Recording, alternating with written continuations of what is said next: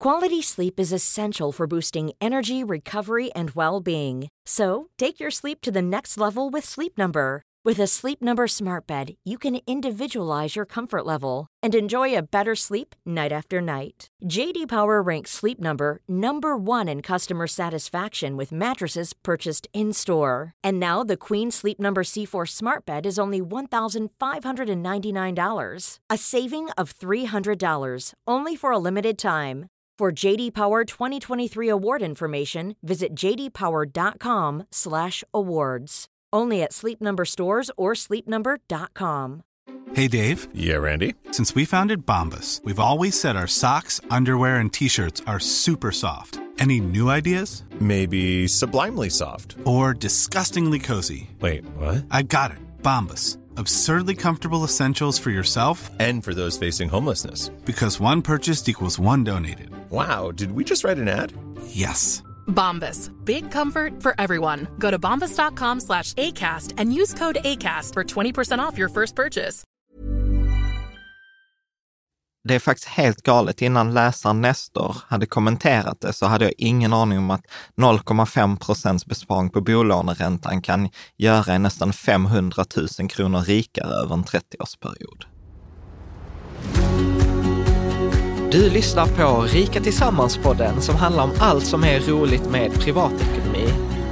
I den här podden får du varje vecka ta del av konkreta tips, råd, verktyg och inspiration för att ta ditt sparande och din privatekonomi till nästa nivå på ett enkelt sätt.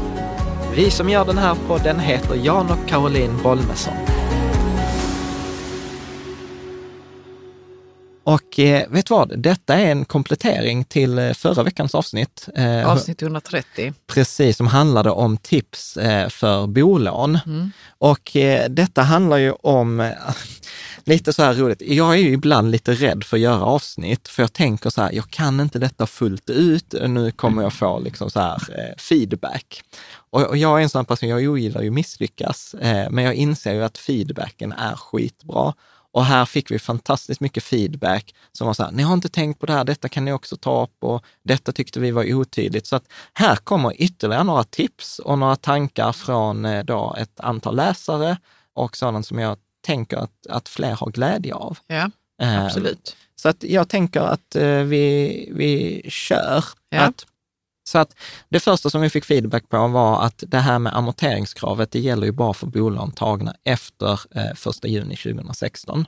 Mm. Så att det kan vara värt eh, att eh, förtydliga. Det hände oss då alltså. Det hände oss, för vi köpte november 2016. Så kan det vara. Och det, det innebär ju det här som vi pratade om i förra avsnittet, att du inte kan eh, värdera om huset som ett underlag för nya lån förrän efter en femårsperiod. Du måste amortera 2% mellan 70 och 50, eh, förlåt, mellan 85 och 70 procent, 1 procent mellan 70 och 50 Mm. och, och, så, och så vidare. En, en annan grej som är faktiskt ett tips som jag själv älskar, men som jag Men detta glömde. har vi tagit upp innan, att man I- ska skaffa sig en träningsbank. Eller hur? Ja, Så att när man förhandlar med sin bank, jag är en sån här person, jag kommer aldrig på de smarta grejerna när jag sitter där med bankmannen eller när jag pratar med bankkvinnan, utan eh, jag behöver ofta liksom gå hem och tänka och prata med dig eller prata med andra. ja. Och man behöver utsätta sig för diskussionen med bankmannen och sen tänka efter Ja. och prata med andra. Och Precis. sen så gå till sin riktiga bank. Precis, så jag går ju alltid ofta till, eh, till SEB först och sen så säger jag, ja, men jag vill göra detta och detta och så får jag massa frågor och sen så låter jag liksom helt spånig när jag sitter eh, där och eh, sen Ja, det har jag inte tänkt på. Ja, men ungefär så. Nej, det har jag inte koll på. Och sen så går jag till Swedbank och så liksom döm min förvåning när jag upptäckte att de ställer exakt samma frågor som på SEB. Mm. Och då låter man sjukt smart och då är det mycket lättare för då har man ju tränat en gång. Och jag, Ja. jag tror inte man är expert från början. Mm. Så att eh, jag har inte tänkt på det, men en läsare sa så här, men Jan, shit, alltså ditt varumärke på SEB måste ju vara helt katastrof. liksom, ja, så är det, så är det nog. Så är det kanske, ja. Ja. Men vi kan, vi kan bjuda på den. Ja, precis. Mm. Sen så eh, var att man kan faktiskt göra på booli.se, kan man göra en sån statistisk värdering på sitt hus eller sin lägenhet. Eh, Varför då, vill man göra det nu då? Om man tycker att det är kul och veta, och då kan man till och med få ett mejl en gång i månaden, så här, eh, liksom statistiskt värde. För då vet man, eh, eftersom Booli typ och bankerna använder nästan samma system, då kan man veta vad, vad tycker banken att ditt hus är värt. Liksom. Men varför vill man veta det? Ja, men så när man jag är ju så som aldrig skulle göra det förrän jag tänker, nu ska vi flytta. Ja. Nej, men till exempel om du ska Vid förhandla förhandling av eh, räntan. räntan till Att säga så här, okej, även om amorteringsunderlaget säger att vårt hus är värderat till 5 miljoner, så är det enligt Booli värderat till 7 miljoner. Så egentligen har vi inte då 70 procents belåningsgrad, utan vi har kanske lägre, bara ja. 50 procent. Så att det är ett argument för att jag borde kunna få en lägre ränta eftersom jag har lägre risk och det bygger ju där med förtroende som vi pratade om sist. Ja. Så booli.se är ett tips. Mm. Eh, sen pratade vi inte så mycket om hur, hur man ska se på sitt boende, eh, men där har vi ju... Nej, vi har gjort det tidigare, men vi tog inte upp det i det här avsnittet med bolån. Nej, Att vi tycker att bostaden är en konsumtion, Ja. inte en investering. Ja, precis. Mm. Vi, vi har gjort två avsnitt med Pontus Kopparberg eh, som var väldigt, väldigt uppskattade, avsnitt 106 och 107. Och Han har varit länge i eh, fastighetsbranschen kan man säga, eller Ja, precis. Han var ju, han var ju vd. bostadsbranschen, Han är mäklarbranschen. mäklarbranschen, förlåt mig. Ingen fara. Alla fel idag. ja, nej, men han var vd på Bjurfors, eh, han var Ja. vd på fastighets, Swedbank Fastighetsförmedling etc. Så att jag tycker inte man ska se bostad som en, eh, som en investering utan som en konsumtion som kostar pengar och det kan vara motiverat att ta den. Liksom precis som det kan vara motiverat att gå på en dyr restaurang. Mm. Men eh, liksom, jag tycker att om man ska köpa hus, då ska man ha tioårsperspektiv. Har man korta perspektiv, kanske ett, två år, eller man vet att min, eh, liksom, här, jag är student, jag bor i en etta, jag är singel, men jag har för avsikt att träffa en partner, ja men då kanske det är bättre med en hyresrätt. Eh, Mm. liksom. att, och det sa ju Pontus också, att hyresrätten är ett lyxboende, Mm. eller en lyxboendeform egentligen. Men avsnitt 106-107. Mm. Och sen också, jag kommer ihåg att i en intervju så sa jag så här att det bästa tipset för att skydda sig mot bostadsbubblan, det har vi inte pratat om på ett tag, Nej. men det är ju att investera i sin relation. Alltså att inte behöva skilja sig och sälja huset. Ju, Till, till ett, dåligt pris. till ett dåligt pris eller liksom, det, det, det är få saker som sabbar en privatekonomi så mycket som en skilsmässa. Eh, Mm. liksom faktiskt. Vi har inte pratat så mycket om det, nej. vi har bara konstaterat att det nog är så. Vadå? Det är att om man vill sabba sin privatekonomi, Ja. vad ska man göra då? Nej men till exempel, säg att du och jag skulle skiljas, ja men då kommer en av oss förmodligen vilja bo kvar i huset. Och det kommer ju vara jättesvårt att göra det på egen hand. Mm. För då man ska ju dessutom köpa ut den andra för 50 procent av husets värde. Och då Ja, får man ja. kanske inte ens lån på det där. Nej. Mm. Och, ja, du vet, ja, det blir bara kaos. Och särskilt om man då är tvingad att göra det och inte kan vänta ut en säljare för att, liksom så att man står inte ut med varandra. Eh, och sånt. Visst. Och, och vi har ju ett avsnitt, tror eh, med vår parterapeut, jag minns inte vilket nummer, men det där han sa också att de flesta skilsmässor är ju faktiskt i onödan, vilket var kanske ett kontroversiellt påstående, men, men det är väl värt att titta på. Vet du vad jag hörde då när jag var på Bara Vara? Nej. Eh, då sa de ju eh, på Dörröppnare 1, som är en kurs där, att, eh, att man skulle liksom inte skilja sig om det inte var så att eh, man bara inte klarar av liksom, att vara tillsammans av olika skäl då, Ja. som är tvingande. För att det är fri terapi. Sa de inte det till dig Nej. när du var där? Nej, vadå friterapi? Alltså, Jo, men för att vara i ett förhållande eller ett äktenskap Ja. kräver ganska mycket av en för att det ska vara bra. Liksom, och för Ja. att man ska känna så att vi, vi gillar varandra liksom, alla dagar i veckan. Och, då är det fri terapi. Ja. För jag kan ju komma till dig, nu är detta bara en parentes här. Ja. Vi har inte, du, har inte, du vill inte vara med mig eller vad det är jag säger. Du har inte kommit till mig idag. Du tycker inte om mig längre? Nej, du, du bara sitter och jobbar. Ja. Så vet jag numera att jag är ju ansvarig för att säga så Jan, kan, du inte bara, kan vi inte bara hänga lite här i soffan? Nej, då tycker jag att du ska minsann komma till mig. Det har jag ju också lärt mig, att det är inte så det funkar i ett förhållande. Liksom. Nej. Fri terapi. Ja, precis. Ja. Mycket, man kan lära sig mycket. Ja. Ja. Jag rekommenderar verkligen avsnittet med, eh, med Tommy Ward, vår parterapeut. Eh, jättekul. Han, han sa egentligen så här att eh, så länge det inte pågår fysisk och psykisk misshandel så, så kan man liksom lösa allting. Mm. Bra. Sen eh, det sista, gud vad vi hoppar från parterapi och liksom så till bostadsrättsföreningars ekonomi. Eh, men då var det så här att många tänker ju på att vi pratar alltid bolån utifrån ett privat perspektiv. Men om man sitter i styrelsen till exempel eller är i en bostadsrättsförening, det har minst lika stor påverkan att förhandla på, för bostadsrättsföreningens lån. För de Ja. flesta bostadsrättsföreningar har lån som är kanske liksom är ganska stora. Så att de här resonemangen som vi pratar om funkar för bostadsrättsföreningar i stora drag också. Så ett tips till dig som bor i en bostadsrättsförening, att faktiskt prata med din styrelse, för det kan ha stor av, eh, påverkan på avgiften man betalar. Mm. Både, både positiv och negativ eh, riktning Mm. faktiskt. Bra. Sen var det en grej som vi inte tog upp eh, för som jag glömde bort. Eh, och det är ju så här inflation versus ränta. När vi pratar om, ska man amortera? Alltså, oh, det känns bra att vara skuldfri och sådant, vilket absolut kan vara motiverat. Men till exempel om vi tittar idag så kan man väl få räntor på kanske 1,3 procent. Tittar vi på inflationen nu i november, eller förlåt, i december, så tror jag att den var en- 1,6 procent. Och det betyder de facto att eh, om jag kan få eh, 1,3 procent i ränta, 1,6 procent inflation, ja så betyder det faktiskt att 0,3 procent av mitt lån eh, amorteras av inflationen. För att pengarnas Ja, värde pengarnas minskar. värde det minskar, det är det som är Så lånets värde minskar med 0,3 procent, helt Ja. gratis som en bonus. Ja. Det är inte så ofta det är inte det ofta sker. man tänker på inflationen som något positivt. som något liksom. positivt. Nej, inflation är positivt för de som har lån. Har du Mm. inga lån så är inflation bara dåligt. Eh, har, du, har du lån, så på det sättet, eh, ja men det är bara som liksom lite överkurs att Mm. tänka. Mm. Sen fick vi eh, lite feedback och en av, eh, är läsare. ja, som heter Nestor. Och eh, Nestor är en av, Är det en han eller hon? den han. Vi Eh, tror det. Nej, jag vet att Du det är en, jag vet att, han. jag vet att det är en han. Han är ju och- ofta och svarar på frågor. Ja, på och, bloggen. och han har sjukt hög kvalitet, tycker Mm, jag. På, absolut. när han skriver saker så brukar jag lyssna. Mm. Och jag vet också att han har haft eh, en lång karriär på bank. Mm. Eh, så att han är ju väldigt insatt och det, det, det, det märks eh, i, i vissa av de här kommentarerna. Så jag tänker faktiskt att jag tyckte att hans kommentar var så bra så att vi läser dem bara rakt upp och ner så att även du som lyssnar på podden eller tittar får Mm. samma liksom info. Kan vi bara liksom ge en slags eh, inkörning till den här feedbacken från Nestor? För Ja, han det- skriver ju så här, fördelningen i tre grupper är bra. Ja, och de det- tre grupperna vi pratar Det var ju om, så här att du kan låna pengar på bank, eh, och det var då Swedbank, Handelsbank, SEB, Nordea etc. Ja.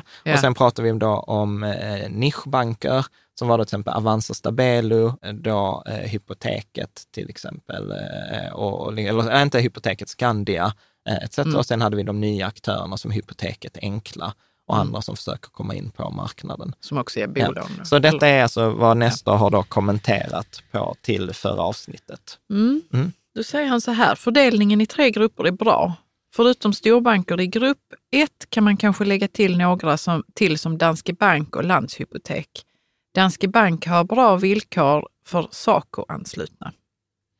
Mm. Mm. Det är inte så mycket att säga om. Nej. Tänker. Landshypotek är en stabil bank som lånat ut pengar till jordbruk men som vill in på villamarknaden och har åtminstone för tillfället bra villkor. Och där var Och också till- lite... Tillhör de då ettan? Ja, ett? Ja, eh, och sen så var det också fler som frågade, men så här, om jag bor på en gård eller så lantbruk, så då gäller inte riktigt samma regler, utan då, Nej. då var det Nej. många som rekommenderade landshypotek. Och det är en sån här, du vet, vi som storstadsbor, det är inte direkt att vi tänker så här, landshypotek, att man har Nej. andra problem Nej, med men det är jordbruk. bra att vi har läsare Så som... att eh, landshypotek var Mm. en bra rekommendation. Sen fortsätter nästa. Ja. När det gäller grupp 3 har jag direkt avrått mina barn för att gå till dessa aktörer. Vid en eventuell kris på finansmarknaderna kommer finansiering för dessa aktörer att strypas. Enkla och Hypoteket är utlämnade åt sina finansiärer och eftersom de har ett bräckligt eget kapital kommer problemen att komma omgående. Precis som jag inte skulle placera mina pengar i en kreditinrättning utan statlig in, eh, insättningsgaranti så vill jag inte låna pengar av någon som i sin tur är så beroende av andra aktörer. Mm. Så att här har han, liksom, han kastar ljus på det här som vi pratade om i förra avsnittet, att bankerna lånar inte ut sina egna pengar, utan bankerna lånar ju pengar av andra. Och precis som banken behöver ha ett förtroende för mig för att låna ut mina pengar till mig, så behöver andra aktörer ha ett förtroende för den aktören för att i sin tur låna ut pengar till dem. Ja. Och om vi tittar då till exempel på Enkla, eh, så är förtroendet sådär. För att till exempel de gick ut med ganska hög svansföring och sen så eh, visade det sig att så som de sa fick man inte säga enligt kreditkonsumentlagen eller konsumentkreditlagen. Vet du vad de sa för någonting? Ja, vi, vi kommer att titta Vi på det, för det fick vi Mm. också kommentarer Ja, kring. Eh, och, och, och, och sådant. Så att här, då säger, detta är ju Nestors eh, då, eh, liksom tips. Att han säger till mina barn, han säger inte så här, gör så här eller gör inte så här, Nej. utan han säger så här, till mina barn har jag då avrått från, från de här. Men han kunde tänka sig till exempel Avanza st- Stabelo. Liksom. Mm. Ska vi ta sista eh, liksom feedback? Ja, eller? från Nestor. Ja. När man köper en villa så får eh, i princip alla en ränterabatt. Åtminstone i Swedbank gäller den endast i ett år. Jag kan i och för sig förstå om den är tidsbegränsad. Ja, och detta är viktigt. Till exempel vår ränterabatt som vi också fick, den är begränsad i tror jag, 24 månader. Så att det Ja. är upp till 24 månader, sen tar den slut. Men då får man i alla fall på Swedbank en notis på att ränterabatten håller på att ta slut och sen så kan man då ansöka om ny. Det är inte alla banker som... som ger en notis. man Nej, behöver utan helt koll. plötsligt är räntan bara högre på Ja. bolånet. Ska du fortsätta skriver? Om listräntan är hög, låt oss säga att banken har en intern marginal på 1,6 procent, så går det ju bra att ge 0,5 procent I rabatt. rabatt. Är listräntan låg och banken har en marginal på 0,8 procent så är det inte lika lätt för banken att ge en rabatt på 0,5 procent. Det är därför oerhört viktigt att du förhandlar om ränterabatten i samband med att den går ut. Bra, det är väl inte så mycket att säga. Det känns väl ganska självförklarande. Mm. Så här, för, Mm. Ha koll på när ränterabatten går ut, förhandla den, liksom vara insatt eh, i, i, det där som vi pratade om i förra avsnittet. Ja. Du ser fundersam ut. Nej, jag bara funderar på det han, han säger med rabatterna och listräntan. och- Mm. Ja. Ja, Ska vi ta det Det är sista? så när det bara fastnar i mitt huvud lite. Ja. Mm, då, sista här nu från, Fid- eh, från. Nestor. Mm. Säg att man lånar en miljon och betalar 0,5 procent för mycket i ränta under 30 års tid. Antag att man hade amorterat detta belopp istället. Detta blir stora belopp på grund av ränta på ränta-effekten. Gör även en kalkyl där man istället placerar pengarna i en indexfond som över tid ger kanske 5% ränta efter inflationen. I båda fallen pratar vi en enorm, eh, om enormt stora belopp. Jan, du kan säkert utveckla detta bet- bättre ämne, eh, detta ämne bättre än vad jag kan. Mm. Timpenningen för en privatperson är extremt hög om man lägger en- en eller flera timmar varje år med att kontrollera sin bolåneränta, vilket tabellerna kommer visa. Mm. Och sen skrev han lite sött så här, jag vågar inte göra den här tabellen för jag vill inte göra bort mig med räkna fel. Så jag tänker så här, jag tar på mig ansvaret här för att räkna fel och göra bort ja, mig. men detta är ju extremt intressant ju för att man får ju supermotivation att förhandla sin ränta om man skulle se detta, för jag gissar att det blir Ja, det är klart att det blir. rätt mycket pengar eh, som skulle kunna jobbat för en istället Ja, i precis. en indexfond. Mm. Får en utmaning att göra en tabell och en graf Ja, i Excel, I, I'm on. Så Nestor, here it comes. Så att jag har gjort en Nestor-kalkyl, kallar jag det. Så jag har, gjort, Ja. jag har gjort några antaganden. Så jag har gjort ett antagande att vi lånar 2 miljoner. Mm. Vi har en ursprunglig ränta på 1,5 procent. Som Eh, vi ska betala till banken då på lånet, Ja, eller? ja Mm. precis. Och sen så förhandlar jag ner detta till 1 procent ränta, Perfekt. eller att vi räknar 1,6 och 1,1. Alltså det spelar ingen roll. Det är Nej, diffen vi- jag är ute Mm. efter. Mm. Eh, vi räknar på att eh, avkastning på aktier är 5 procent realt. Jag tycker detta var onödigt hårt av Nestor att, eh, att, att stryka inflationen. För normalt sett pratar vi alltid 7 procents avkastning på aktier, eh, till exempel i veckans avsnitt. Men eh, Nestor is the boss, så Ja. att vi räknar på 5 procents real avkastning. Det blir ändå mycket pengar kan jag säga. Mm. Eh, vi räknar på en amortering på 2 procent. Eh, På lånet, ja. Mm. och vi räknar en tidsperiod på 30, eh, på 30 år. Ja. Eh, jag tar inte hänsyn till skatt eh, eller månatlig beräkning, utan jag räknar på årsbasis. Jag har inte tagit hänsyn till ränteavdrag eller liksom liknande. För det, alltså så här, det blir för komplicerat. Och Jag tror liksom så här, poängen blir inte sämre eller bättre för att vi gör Nej. en mer avancerad Okej. beräkning. Mm. Så att jag har då gjort en tabell som finns här på, på bloggen. Mm. Men eh, så att om vi skulle ta den, det är alltid svårt att redovisa en tabell i, i, i Men om vi tal. skulle ta kärnan från den. Liksom. Ja, så att om jag då har en ränta på 1,5 procent så betyder, och jag amorterar i 30 år, så kommer jag då ha, på det här 2 miljoner kronors lånet, ha amorterat 900 000 och kommer betalat 680 000 i ränta. Det är liksom, 680 000 i ränta Ja. under de här 30 åren. då. ja, för det här Mm. lånet på 2 Mm. miljoner, Mm. på 1,5 procent. Om jag då sänker räntan till 1 procent, alltså Ja. jag gör den här förhandlingen, Mm. då har jag under samma period betalat 455 000 i ränta bara. Mm. Så att jag har betalat nästan 230 000 kronor mindre i ränta över den här eh, liksom, 30-årsperioden. 30-årsperioden. Mm. Och amorteringen är ju samma. Den Mm. har inte förändrats. Så att Nej. jag har sparat över 200 000. Om jag istället har räknat på att i detta som jag sparar, istället för att konsumera de där 200 000, utan att jag amorterar dem löpande. Häng, häng, hänger du med på vad jag gör då? Mm. Då har vi eh, betalt total ränta 424 000, alltså ännu mindre. Eh, För i förra exemplet hade vi 455 och i det första 680. Eh, och jag har amorterat 1 076 000. Så jag har dessutom jag har betalat mindre ränta och jag har amorterat nästan 250 000 kronor mer. Ja. Alltså det är sjukt mycket. Jag har Ja. 200 000 mindre i ränta och jag har amorterat två, det är 400 000 plus, liksom i det här exemplet mot det Mm. första på 1,5 procents ränta. Mm. Eh, och i det sista exemplet, då investerar vi istället för att amortera. Precis, ja. Då betalar vi samma ränta som innan, 455 000. Men nu har jag amorterat 1,5 miljoner nästan. Mm. Så att då har jag liksom investerat pengarna och sen det 30 året så säljer jag alla aktierna och, eh, och amorterar en engångsamortering. Så då, har, då är jag alltså över en halv miljon kronor rikare på Mm. 0,5 procents lägre ränta över en 30-årsperiod. Vi Mm. pratar alltså en halv Jag tror miljon liksom att det är så kronor. lite pengar det rör sig om när det är Ja, men, en halv procent. Ja, men precis. Det är som han säger så här, hur många andra grejer kan du och jag göra på två timmars jobb och tjäna en halv miljon på, på en 30-årsperiod? Nej, Det är inte mycket alltså. Så, Man kan eh, ju titta på den här tabellen på bloggen sen. ja, ja, jag kan till och med bifoga... sense, om man tycker det är svårt att lyssna sig Ja, till siffrorna. Ja, men poängen är så här, asmycket pengar Ja. på att förhandla detta eh, när man tar det på en sån lång tidsperiod. Mm. Eh, mer än vad jag trodde. Men då ska man också se till att den här halva procenten, alltså att, den, att, man samlar den så den får jobba. Liksom. Ja, att man investerar den till exempel Ja, så att den inte bara Nej. lallar iväg Nej, någonstans. precis. För att om den lallar iväg, då är vi på det första exemplet. Så här, ja, men jag har sparat 200 000, men det var allt jag fick. Medan om jag dessutom investerar den och sen amorterar, då växer ju de där 200 000 till 500 000. Mm. Mm. Så att, eh, ja, grymt. Bra, bra förtydligande. Mm. Och sen så är det också så här roligt att vi har ju tydligen väldigt många lyssnare. Och då fick jag ett mejl från Hypoteket. Från, eh, Kundchefen på Hypoteket. från kundchefen Dag Vardeus mejlade. Han är chef på grunda, en av grundarna till Hypoteket som var en av Mm. de här nya a- aktörerna. Och han var så här, skrev, hej, superbra podd, Eh, ni liksom lyckas förklara ganska många saker vi försöker förklara för våra kunder.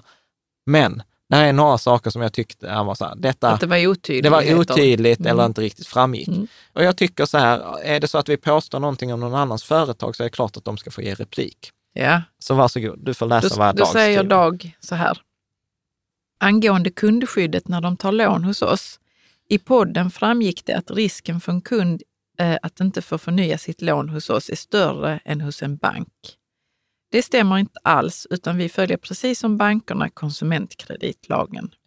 För vi tog ju upp det exemplet, till exempel Enkla hade ju så här Mm. med slutförfallodag, Mm. att efter tre år så var du tvungen att betala tillbaka hela lånet om du inte fick det förlängt. Och hade du då den där skilsmässan eller sjukdom, ja då var det Ja. kanske möjligt att du inte fick ett nytt lån Ja. och då satt du i skiten.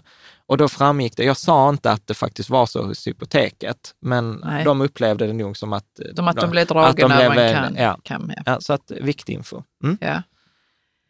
Eh, Denna är väldigt starkt tvingande till kundens fördel och vi som bolånegivare kan aldrig tvinga en kund ge oss pengarna tillbaka, förutom om de inte sköter sina betalningar eller om löptiden går ut. Ja, så att då är det, då är det liksom inte, då är det, det är konsumentkreditlagen som reglerar detta. Mm. Och detta var också en av anledningarna till varför Enkla inte fick göra så som de gjorde. Mm. För att de uppfyllde inte konsumentkreditlagen. Jag visste faktiskt inte ens att konsumentkreditlagen fanns. Så att Nu nu, vet vi. nu vet vi. Mm.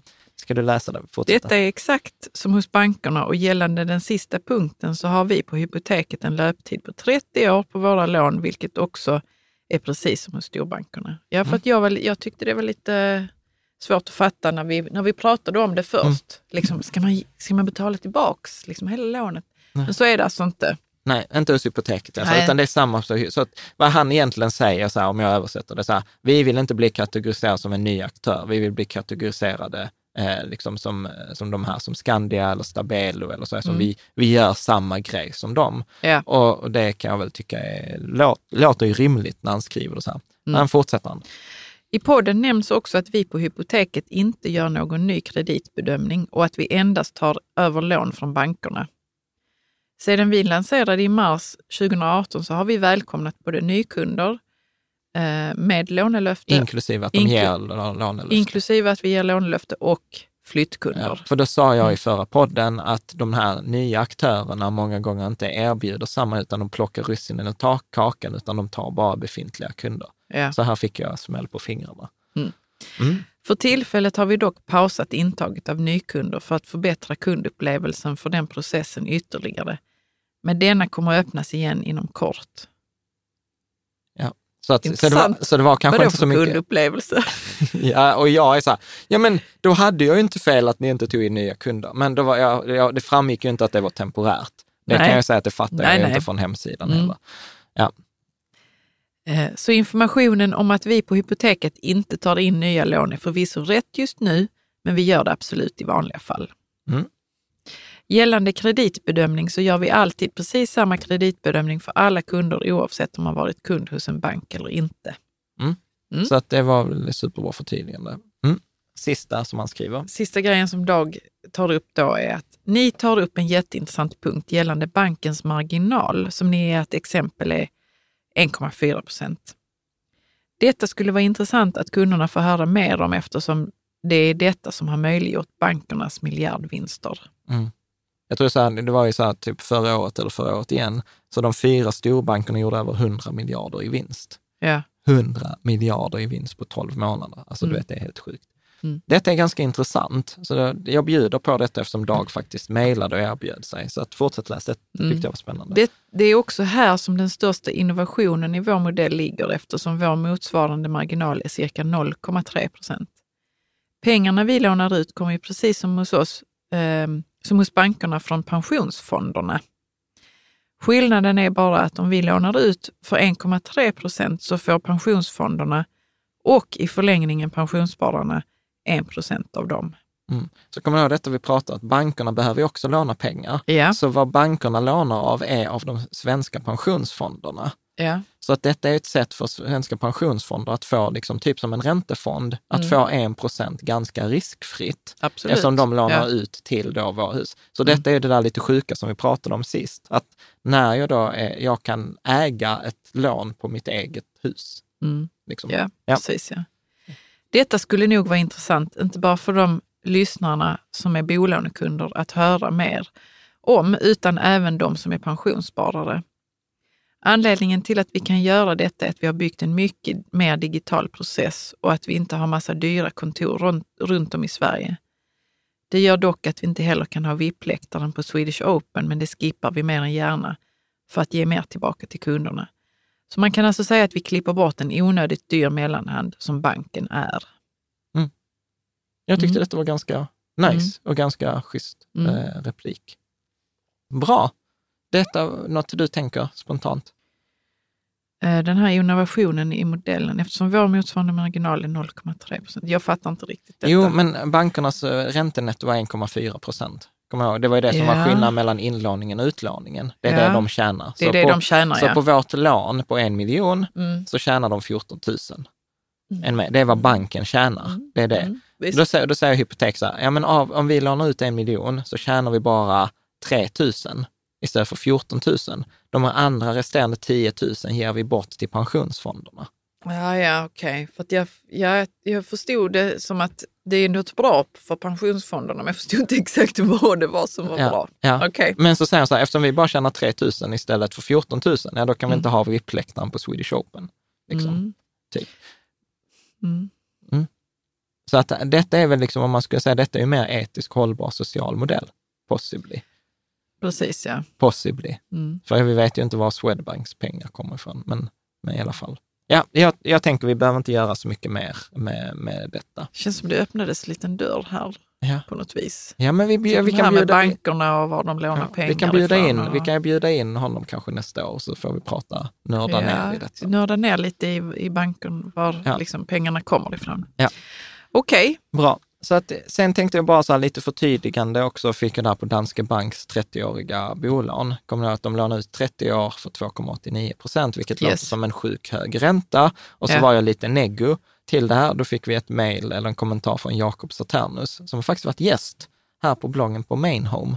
Kommer ihåg när vi pratade om Mm. att bo gratis? Ja. Eh, Ett av våra första avsnitt med sjukt dålig ljudkvalitet, men väldigt Men det intressant är avsnitt. ändå lyssningsbart Ja. såklart. Och då sa han också så här, att det som är positivt, som många missar med Danske Banks lån, är att eftersom de inte räknar på 7% kalkylränta, utan de räknar på att det kommer vara denna räntan i 30 år.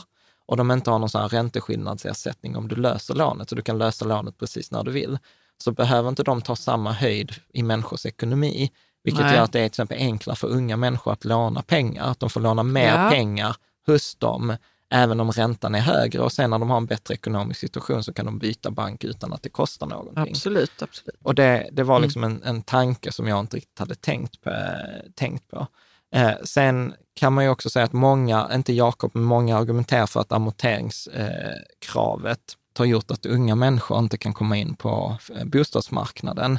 För att, eh, och så är det många politiker som vill ta bort amorteringskravet. Men tittar man på en rapport från Finansinspektionen som heter så här FI-analys 19, unga vuxnas ställning på, bostads, eh, på bostadsmarknaden, så eh, har det visat sig att eh, det är inte alls amorteringskravet som har hindrat unga komma in på bostadsmarknaden, utan det är snarare de höga priserna.